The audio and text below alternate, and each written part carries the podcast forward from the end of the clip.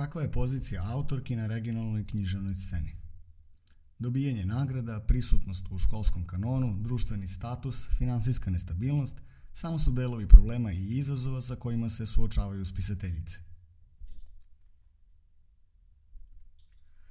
Već decenijama u društvenu svest postalo je usađeno da i žene pišu, prevode, lektorišu i kritikuju, te da ove aktivnosti podjednako obavljaju oba roda, kako muškarci, tako i žene.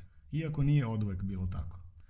Kada govorimo o evropskom, ali i o anglo-američkom književnom prostoru, žene se bave književnim radom i njegovim različitim oblicima, bez straha da potpišu svoje ime i ne sakrivaju svoj identitet, sem ukoliko to ne čine svesno i namerno.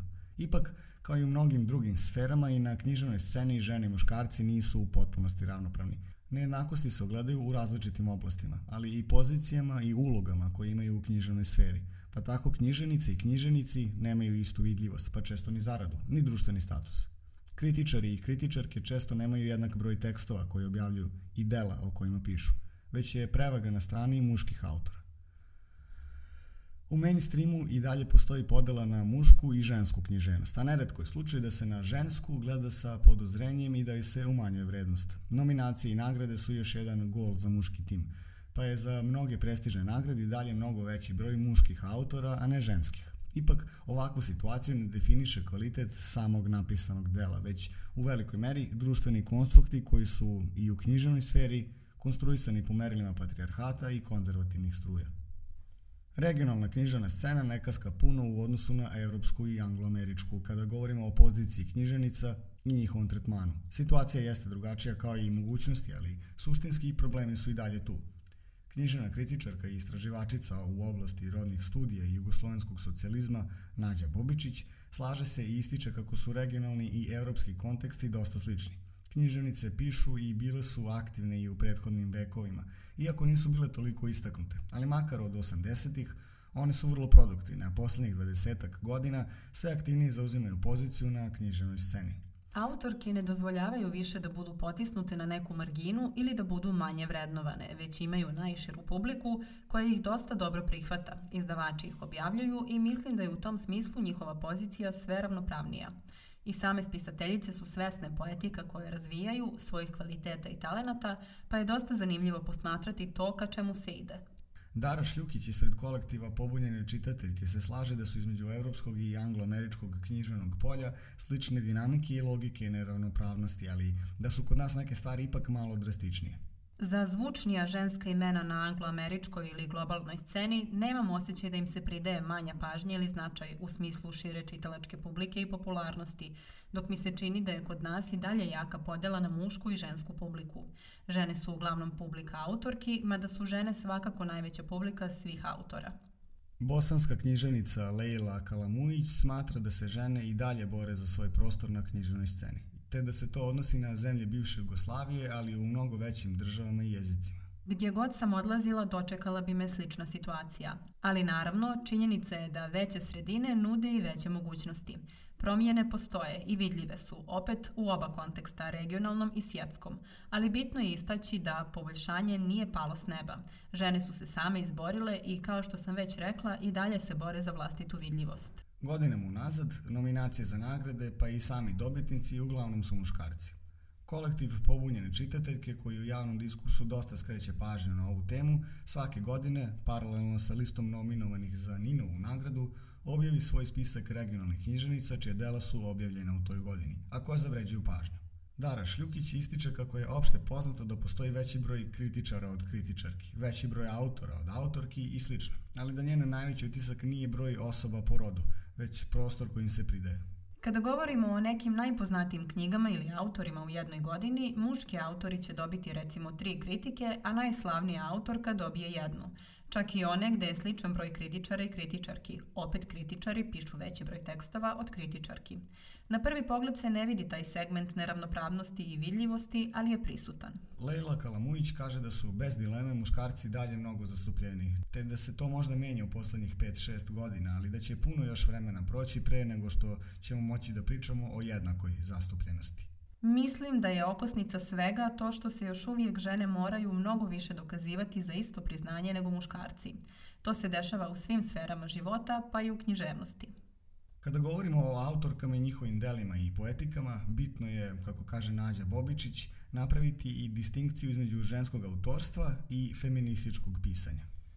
Važno je žensko autorstvo, jer je važno da se razume da žene pišu književnost isto kao i muškarci, pošto je vrlo dugo trebalo ubeđivati muške autoritete, akademiju i ostale da uopšte žene postoje, pa da imaju prava da pišu i tako dalje.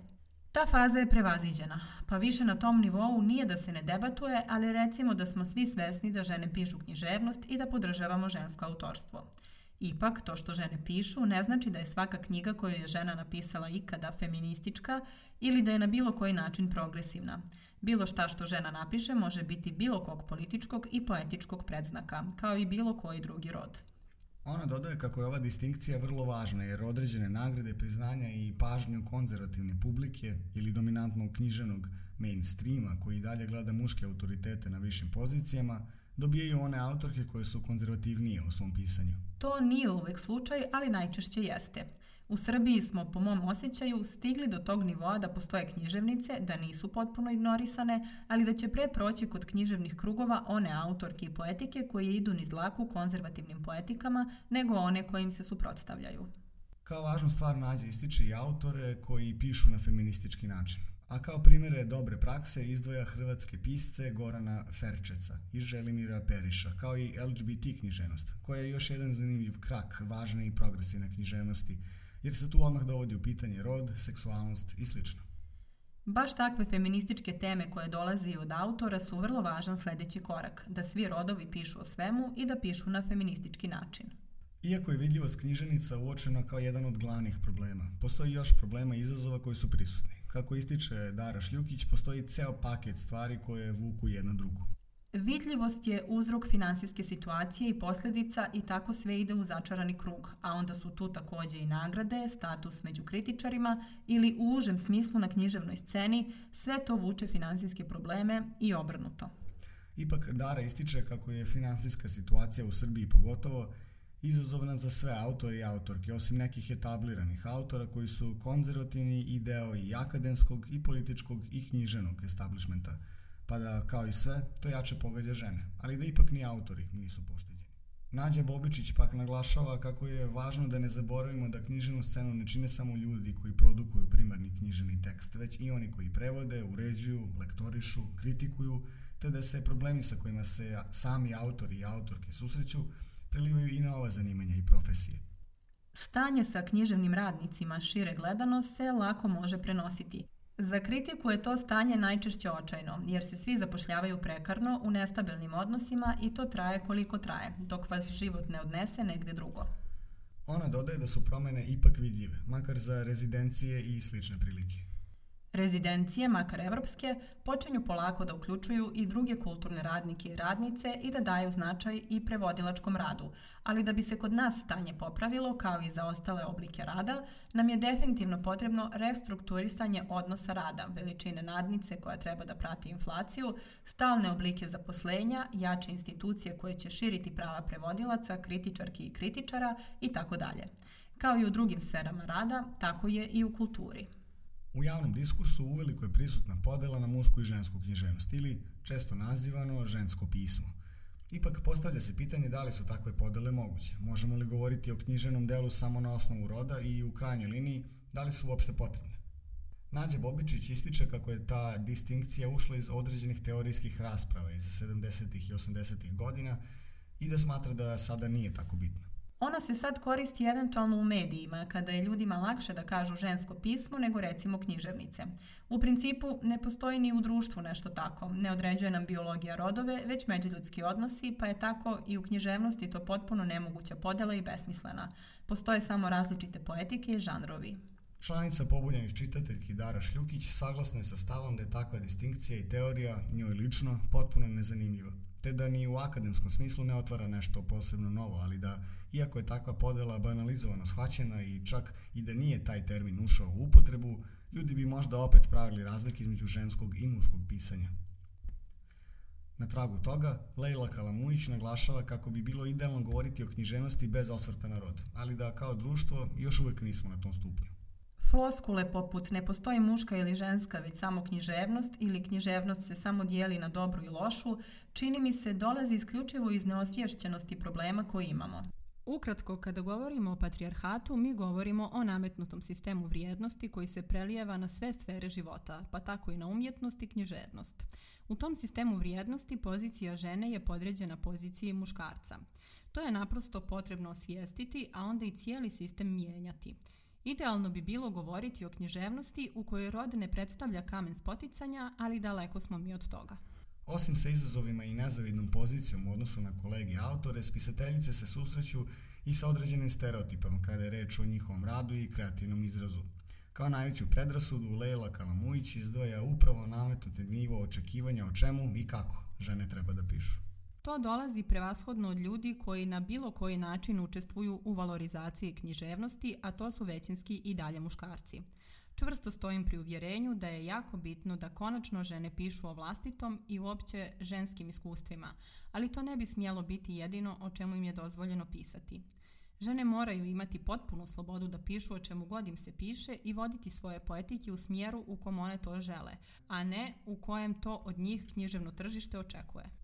Neretko se dela autorki smatraju autobiografskim ili onda kada i jesu autobiografska, ne ilaze na omalovažavanje i pridajem se manji značaj samo zbog toga. Upravo na ovaj problem osvrće se i Dara Šljukić. Sećam se da sam čitala u jednom intervjuu koji je dala Sally Rooney da dobija komentare da je njeno pisanje autobiografsko i da se time oduzima od njene kreativnosti i spisalačke veštine. Generalno je to nešto što u književnosti stalno mora da se objašnjava. Nešto može da bude potpuno autobiografsko, ali to nema nikakve veze sa tim kakvo je književno delo. Sama činjenica da su se neke stvari desile ni na koji način nije relevantno za književnu vrednost tog teksta. To se spočitava ženama, upravo iz pretpostavke da ako je nešto autobiografsko ima manju vrednost, a zapravo nema uopšte. Nađa Bobičić kaže kako su i ovde u pitanju dvostruki aršini, kao i u mnogim drugim sferama kada je reč o muško-ženskim podelama i odnosima. Kada imate Knausgora ili bilo kog muškarca koji je objavio autobiografsko delo, onda je on otvorio svoju dušu. To je nešto revolucionarno i posebno. To je kao kada otac izvede dete u šetnju i on je super otac, a majka kada izvede, to je nešto podrazumevano. Slično je i sa žanrom autobiografija. Kada muškarac piše, često bude visoko vrednovano, dok kad žena to uradi, percipira se kao da ona ne zna da napiše istorijski roman, pa piše o svom životu. Kako su saglasne naše sagovornice, stvari i pozicija žene na književnoj sceni menjaju se. Autorke su samouverenije, svesne ravnopravnijeg položaja u odnosu na decenije i generacije pre njih, kao i svojih kvaliteta. Upravo na žene pre nas i njihovu borbu osvrće se i Leila Kalamujić. Puno sam govorila o sadašnjem vremenu, onom što vjerujem i vidim da se mijenja. Ali isto tako, to s vremenom shvatite, ništa nije počelo s nama. Mnoge književnice prije nas su mijenjale tu poziciju. Omogućile nam da se ne moramo boriti za stvari za koje su one morale. Mi, barem na našem prostoru, još uvijek ne poznajemo dovoljno naše pretkinje. O njima je ostalo malo, nekad ni toliko svjedočanstva. Mene zadnjih godina upravo potraga za njima uzbuđuje. Svaki trag koji pronađem me osnažuje. Nađa Bobičić kao jedan od narednih koraka za bolju poziciju žena vidi ubacivanje većeg broja autorki u škole i obrazovanje. Bilo bi dobro kada bi više autora preporučivalo feministički i queer kanon. Ne može samo da ide u pravcu da žene znaju ceo muški kanon i da posebno u školi i obrazovanje jako sporo ulaze dela književnica, sem kada je u pitanju književnost za decu. Ogroman korak bi bio da se deci i u školi daje da čitaju što različitije žanrove i da bude što više ženskog autorstva, kao i queer, jer je to način da oni čitaju o različitim iskustvima u trenucima kada njima to znači. Primarno i sekundarno obrazovanje je mesto gde mora da uđe više savremenih tokova i pristupa književnosti. Osim toga, kao veliki problem, Dara Šljukić vidi poziciju književne kritike na našoj književnoj sceni, iako smatra da je za bolju poziciju autorki neophodna promena čitavog sistema. Ipak, ako mora da bira šta bi bio prvi naredni korak promene, izdvaja upravo poboljšanje institucije književne kritike u našoj zemlji. Književna scena i obrazovanje koje je povezano sa time dosta zavisi od kritike, jer ko će da donosi sudove o tome šta valja, a šta ne valja. Kome se to ostavlja, na koji način se vrši selekcija, pa onda je to povezano sa onim na koji način se vrši selekcija onoga što treba da uđe u učbenike i onoga što ne treba. Samim tim, promjena svega toga bi uticala i na bolju poziciju žena na književnoj sceni. Ipak, ono što je možda i najbitnije, kako za neke naredne generacije autorki, tako i za one već izgrađene, jeste međusobna podrška, na koju se osvrće knjiženica Leila Kalamujić. Solidarnošću pružamo podršku. Pod tim ne mislim na krilaticu Anything Goes, nego na vrlo iskrenu i dobronamjernu podršku. Autorka teksta Marija Todorović. Ilustracije Olga Đelošević. Tekst čitali Ivana Radisavljević i Snežana Katunac. Tekst je dostupan na sajtu Oblakodera u rubrici Lift. Tekst je podržan od strane Evropske unije i Nemačkog saveznog ministarstva za ekonomsku saradnju i razvoj.